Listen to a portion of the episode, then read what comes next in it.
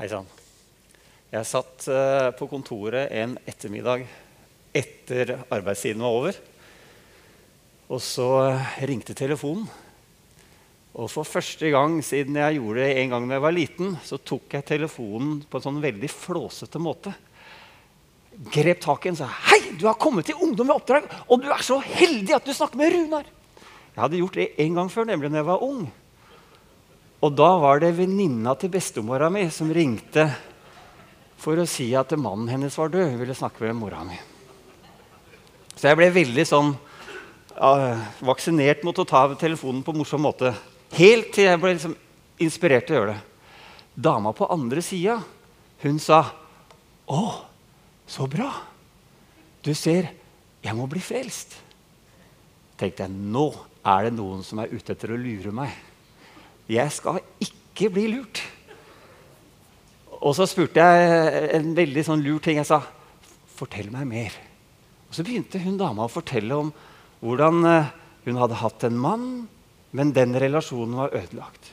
Hun hadde en datter, men den relasjonen var ødelagt. Og så sa hun, 'Vet du hva, når jeg var 23 år, da kjente jeg Gud.' Men du ser, jeg har gjort så mye gærent. Og det var kanskje det som fikk meg til å tro på henne. At hun hadde en sånn erkjennelse at hun hadde kommet til kort. Så da sa jeg, ut hva, kanskje jeg kan hjelpe deg. Og da, da fant jeg frem bibelen min. Sorry, jeg glemte å ta meg den. Da fant jeg frem bibelen min, og så på telefonen så hadde jeg sånn mini-bibelstudie. Vi gikk gjennom eh, hvordan man kan bli frelst. Og så, og så, snakket jeg med henne, og så sa hun ja, ja, jeg vil bli frelst. Jeg vil bli kristen, sier hun. Og så leda jeg henne til Jesus på telefonen. Og når jeg gjør det, når jeg får lov å introdusere mennesker til Jesus på den måten, da blir jeg så glad. jeg. Det er kanskje noe av det morsomste. eller ikke sånn, Du ler ikke av det, men du blir liksom veldig glad på innsida.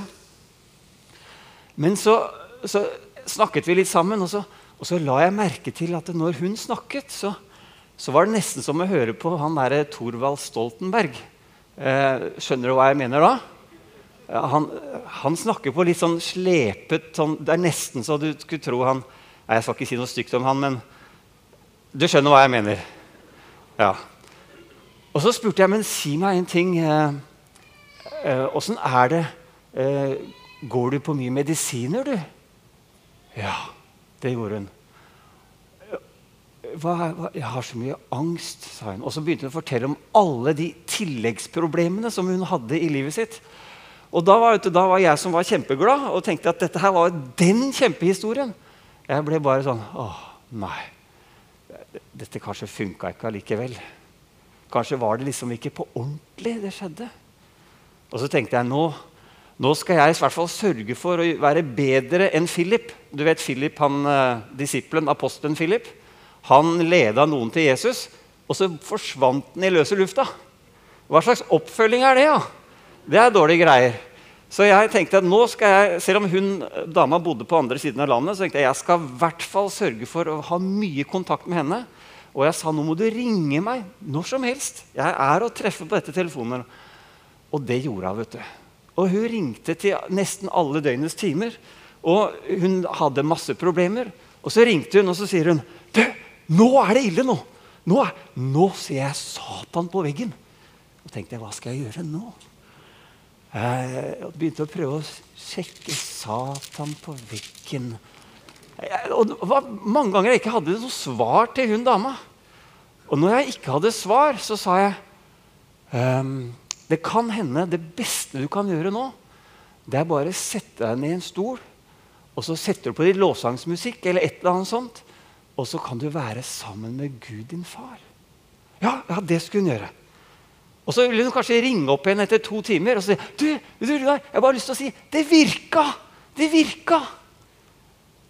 Siste gang hun dama ringte meg, så ringte ikke hun fordi hun hadde noen problemer lenger. Hun ringte fordi hun hadde lyst til å velsigne meg. Livet hennes hadde blitt totalt forvandlet i møte med en himmelsk far. Og Jeg har så lyst til å fortelle den historien til å begynne med, for jeg har så lyst til å si at det, livet trenger ikke å være sånn som det er i dag. Livet kan bli annerledes. Men Gud han har et problem. Et ganske stort problem. Nei, Åssen kan det gå an? Kan du tenke, Er ikke Gud allmektig, da? Kan ikke han alle ting? Vet ikke Gud alle ting? Er han ikke alle steder? Hvordan kan Gud ha et problem da? Jo, du ser, han er usynlig. Oi. Hva har skjedd her? Han ble kjempeusynlig, gitt. Hva sier du? Ja, klarer du å hjelpe meg med det? Nei, det er sånn er det. Vi har noen hemmeligheter.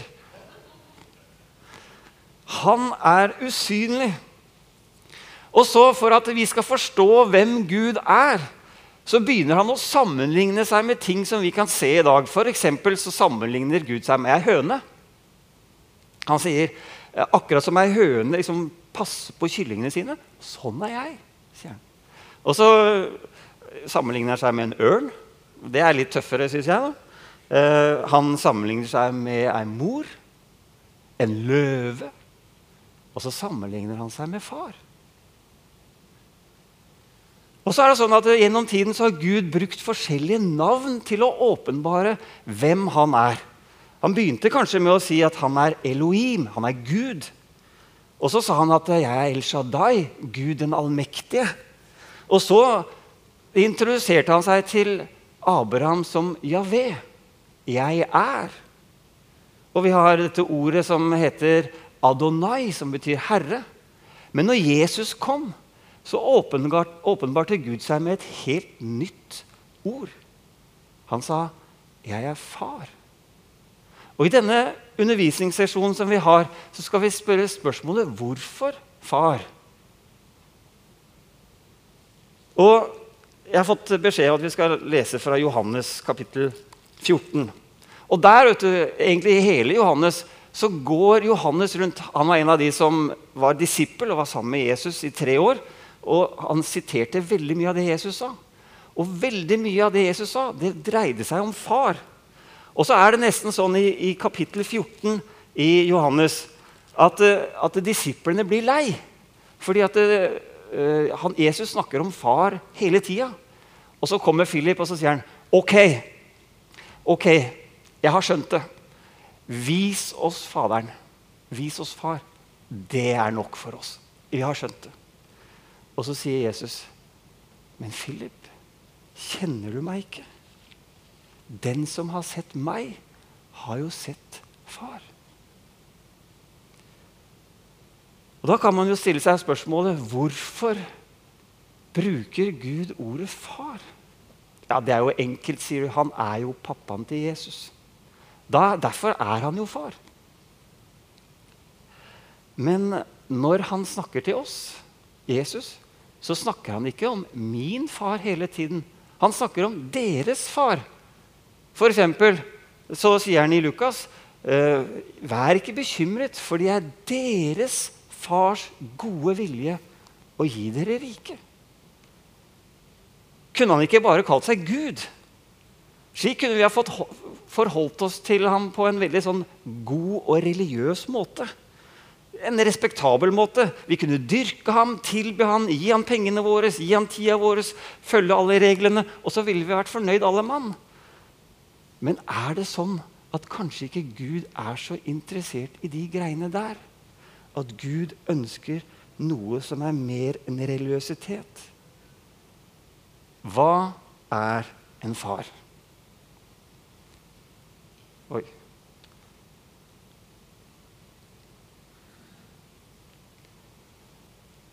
Det er jo ikke så vanskelig.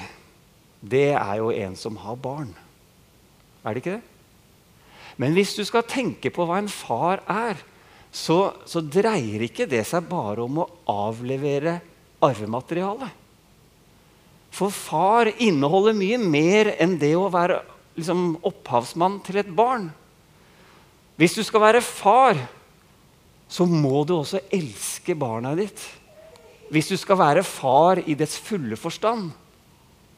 Er du ikke enig i det? Men, men er du komplett da? Har du liksom det store bildet av far da? Nei. Jeg tenker at barna må også elske pappa.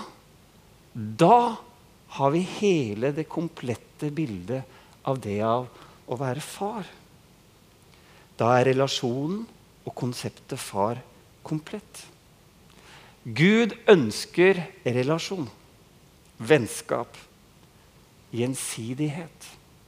Han kan ikke kreve det. Da eksisterer ikke relasjonen som han ønsker den. Hvilken historie i Bibelen er det som illustrerer Gud som far best? Husker du en historie fra Bibelen? Ja, Du husker kanskje historien om den bortkomne sønnen. Historien den dreier seg om at det er en sønn som kanskje ikke har så god relasjon til faren sin eller broren sin eller det stedet han holder til. Og så sier han til faren sin, 'Du, nå vil jeg ha arven min. Gi meg alle penga.' Og så drar han av gårde. Og så drar han av gårde til et land langt borte. Og mens han er der, så bruker han opp alle penga, og så finner han seg selv mens han er blitt en grisepasser og spiser grisematen. Og der så husker han tilbake til pappaen sin, og så sier han Åh, til og med tjenerne har det bedre hjemme hos faren min enn det jeg har det nå. Jeg vil gå tilbake igjen, og så vil jeg be han om unnskyldning. Jeg vil si jeg har synda mot himmelen og mot deg. Det er en fantastisk historie om den ventende pappaen. Og hvorfor er dette bildet, denne historien, en så god, et godt bilde på, på, Gud? Jo, det er nettopp fordi at det, når sønnen kommer til han og sier 'Pappa, jeg vil ha alle pengene', ja, så gjør han ingenting for å få sønnen til å bli. Han kunne ha gjort veldig mye. Han kunne tilkalt noen onkler eller tanter til å få uh, tale noen sånne fornuftens ord inn i sønnen sin. Han kunne til, kanskje tilkalt noen prester og sagt du, i vår kultur, i vår religion, så opptrer man ikke sånn. Nå må du skjerpe deg. Men han gjorde ikke det. Han bare ga pengene.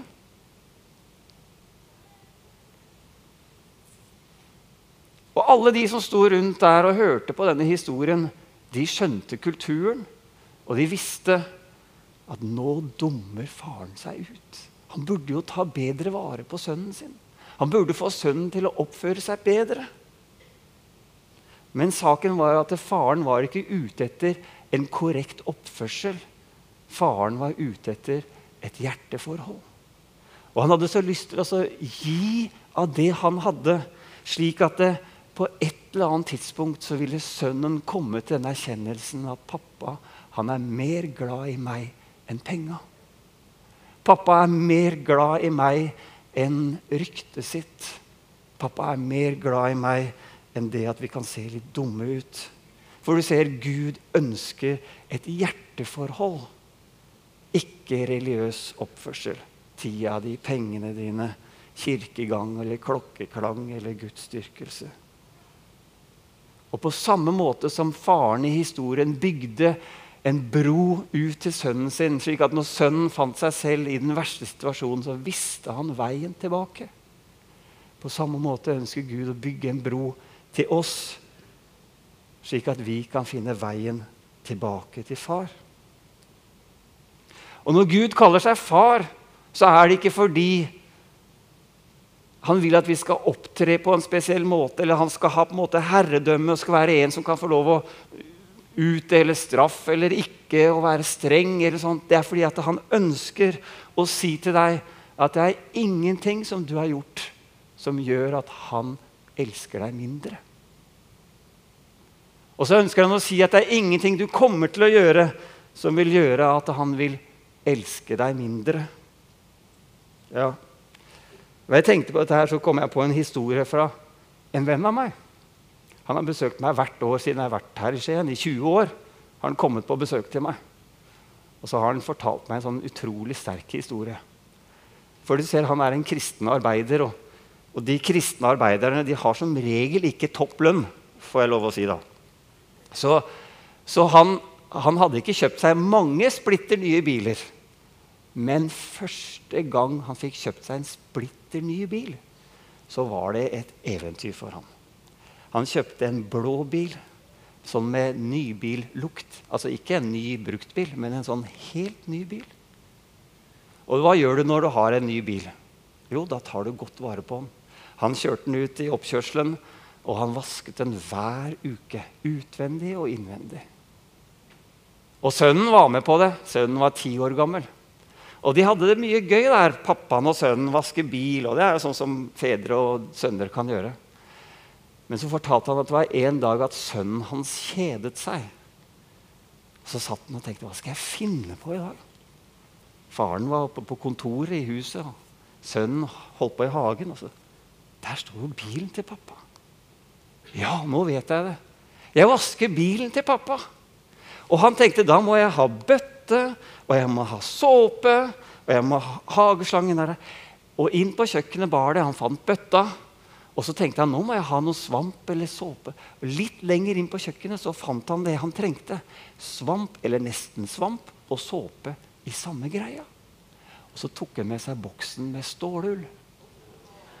Og så var det ut, og så var det spyle bilen, og så var det å begynne å gnikke og gnu, og det skumma. Og han brukte all sin iver og all sin styrke i å bruke sånne sirkelbevegelser og gnikke på denne bilen. Denne fantastisk splitter nye lyseblå bilen.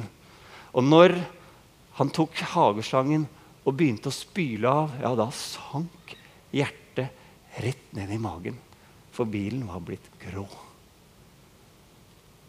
Hva gjør du da? Jeg vet ikke hva du ville gjort, men jeg vet hva jeg gjorde. Vi var vel sånn ca. 16-17 år gamle og kjørte bilen til naboen inn i garasjen, ut av garasjen. Ja, vi hadde ikke lov å kjøre på veien, vet du, for vi hadde ikke lappen. Og, og, moren og faren til kameraten min visste heller ikke at vi hadde funnet nøkkelen på salongbordet. Og de var jo ikke hjemme. Vi kjørte inn i garasjen og ut av garasjen. Så hadde de så veldig kort oppkjørsel. Veldig kjedelig å kjøre bare kort. Så vi tenkte at vi får kjøre fort, da. Fort inn og fort ut og fort inn. Og der satt Sia i bilen fast i garasjeporten. Hva gjorde vi da? Jo, da tok vi og liksom dytta på plass disse listene, og så tok vi litt møkk.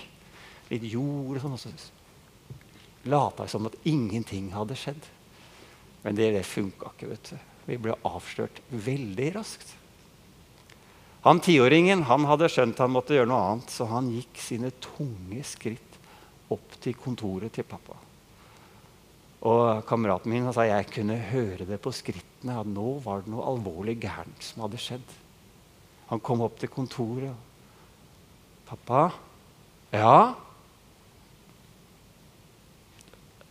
'Bli med, pappa.' Og Så gikk de sammen ned til bilen. Og så sier kameraten min at når jeg så bilen, da ble jeg sint. At han kunne være så dum og bruke stålull. Og jeg hadde så lyst til å gi han straff, han tiåringen. Jeg hadde lyst til å gi han husarrest. Tre uker, fire uker, en måned, to måneder. Jeg hadde lyst til å gi han straffarbeid. Men så har jeg en regel sånn. At jeg disippelgjør eller disiplinerer ikke barna mine hvis ikke jeg har telt til ti først. Det er jo en god regel. Og der sto han og kokte litt. ikke sant? Jeg kan bare forestille meg åssen det var. En, ikke bare én uke, nei, to, to. Tre. Og før han hadde kommet til ti, så var det som en tanke fra Gud bare dalte rett ned i hjertet hans. Og så sa han Gud, altså. Du, du vet at jeg er mye mer interessert i hjertet ditt enn i resultatene dine. Ja. ja. Og han visste sønnens hjerte. Og han visste jeg kan jo ikke straffe et sånt hjerte. Så satte han seg ned med sønnen og så sa han, du, dette skal vi løse. Dette går bra. For det er sånn Gud vil være for deg og for meg. Han vil ikke måle ut straffen. Han er en Gud som ønsker relasjon, og som ser hjertet ditt mye mer enn han ser resultatene av handlingene dine. I begynnelsen av kapittel 14 i Johannes så står det La ikke hjertet bli grepet av angst. Tro på Gud og tro på meg. I min fars hus er det mange rom. Så tenkte jeg, Hvorfor sier han det, mon tro? Han er vel ikke ute på den derre 'pappaen min har større hus enn deg'-rollen? det tror jeg ikke. Men jeg tror jeg vet hvorfor. Fordi at Når han snakker om far, så kunne det være så lett for oss å si ja, ja, ja, det er din far. Det er som om Jesus sier hei du, det er rom til alle der. Det er rom til deg også. Det er mange rom der. Ja, du vet at eh, Nå har jeg to barn. Og jeg husker veldig godt når barn nummer to ble født. Emil. Det var han som spilte trommer her i dag. Da var han og mammaen på sykehuset. Og så skulle jeg, Julie og jeg vi skulle besøke dem. Og På veien dit så stoppa jeg opp og så sa jeg, nå, nå Julie, nå har det skjedd noe veldig viktig i livet ditt. Du har fått en lillebror. Og nå må du vite det, at eh, nå er det to barn i familien her. Og det betyr at jeg kan bare elske deg halvparten så mye, for nå må jeg elske begge to. Ikke sant? Jeg gjorde jo ikke det.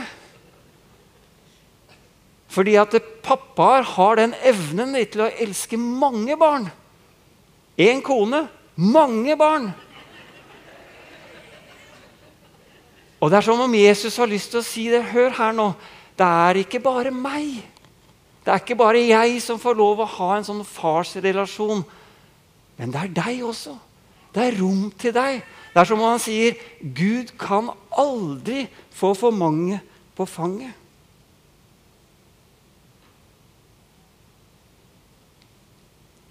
Det var en ung mann som kom til meg en dag så sa han det. Du, jeg liker ikke så godt at du, du bruker disse historiene om Gud som far. Eh, kunne du unngått det? Jeg vet du prøver å illustrere noe om Gud, men, men du ser at det er flere av oss her som har så dårlige erfaringer med far, så det er så vanskelig å relatere til. Ofte så kan det være sånn at Jesus han er ok. Han er på en måte broren vår. Vi kan forholde oss til Jesus. Men far Det blir liksom så vanskelig, for det vekker med en gang følelser og minner. Bevisst eller ubevisst.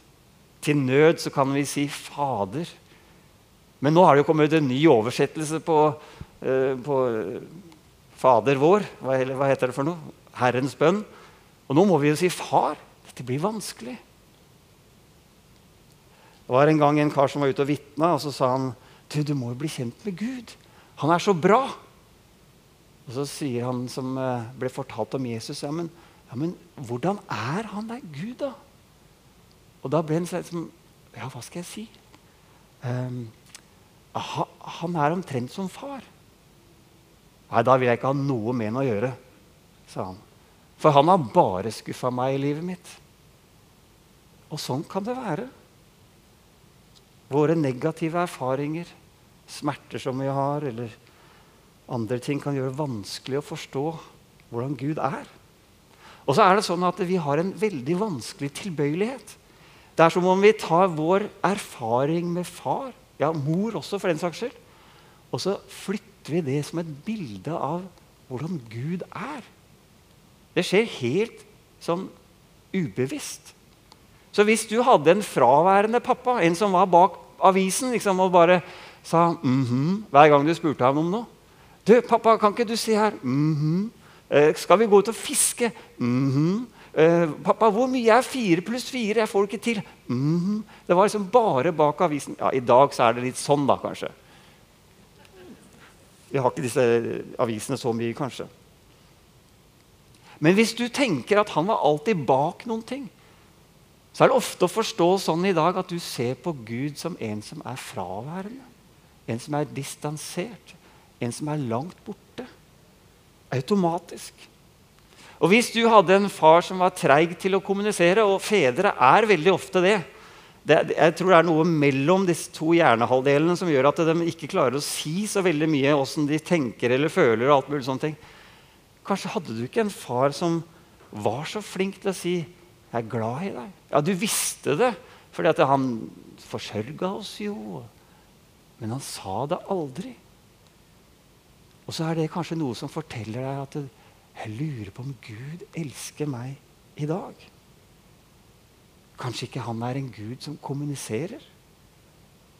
Kanskje var ikke du planlagt, eller kanskje ikke ønska engang. Kanskje hadde du feil kjønn. Alice hun skulle hete Morten. Hun. Det, det funka ikke greit når hun kom til verden. Det kunne ikke hete Morten da.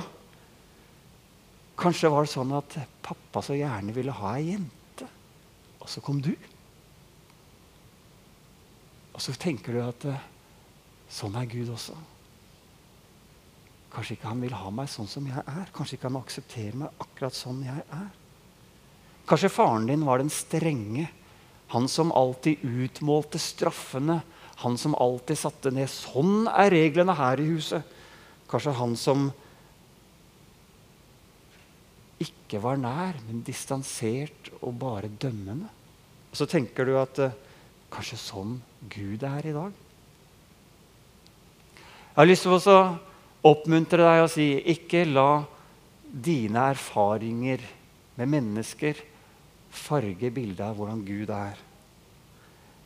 I møte med den far som Jesus presenterer, så er den himmelske far perfekt. Vi som er menneskelige, vi får det ikke til alltid. Men vår himmelske far er perfekt. Han er den trofaste Gud. Han vil aldri svikte deg. Og om vi er troløse, så vil han være trofast. For han vil ikke fornekte sin egen karakter. Han er trofast.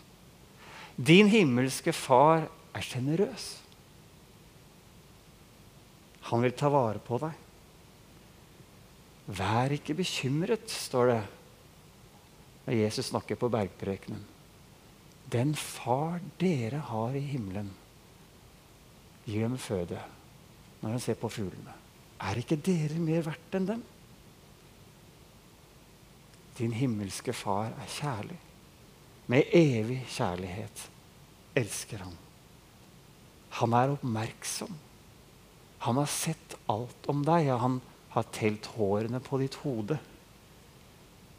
Din himmelske far aksepterer deg. Og så har jeg skjønt det at det er pappaen som for bestemmer kjønnet på barnet. For det er vi pappaer som har X og Y-kromosomet. Men du vet, det er jo ikke den pappaen. Det er den pappaen som bestemmer. Og han lagde deg akkurat sånn som han vil at du skal være. Det var ei jente som jeg kjenner, som, som en morgen sto og kikka seg i speilet og så sa hun, ja, ja, Gud, det er vel sånn midt på treet. Men, men den nesa der, da? Hvorfor ble den sånn? Gud, hva mente du med det? Hva syns du om nesa mi egentlig? Og så tenker hun ikke mer på det. Hun tok vel på seg noe sminke eller et eller annet sånt, sto i speilet. Så gikk hun ut døra, og idet hun kommer ut døra, så treffer hun en annen jente. Så, så sier en jente du, jeg høres dumt ut. Jeg bare må si det til deg. Jeg syns du har så vakker nese. Og så fikk Gud sagt akkurat hva han tenkte om den nesa. Med en gang gjennom en av venninnene hennes. Er det ikke flott?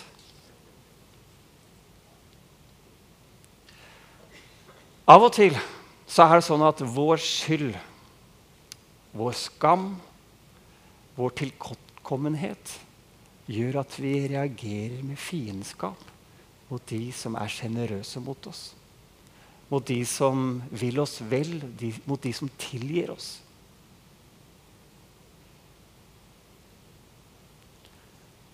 Jeg har så lyst til å oppmuntre deg til å ta Gud på alvor og forstå hans intensjoner. Han er ikke der etter å ta deg. Han er der etter å bygge en bro til deg. Herren er vær Herren er nær enhver som faller. Nei, Herren støtter enhver som faller, og reiser alle nedbøyde opp. Om du bærer med deg relasjoner eller opplevelser som hindrer en relasjon til Gud, så bring det til Gud. La tilgivelse få lov å virke i livet ditt. La hans tilgivelse få lov å virke i livet ditt. Livet ditt kan bli annerledes. Kom hjem til Gud. Dype sår og usikkerhet kan gjøre det vanskelig. Du må ikke, men han ønsker det så mye. Vil du? Kom hjem til pappa. Kjære far. Jeg takker deg for at du har åpenbart deg som en far. En far som overgår egenskapene som vi som kjødelige fedre kan ha.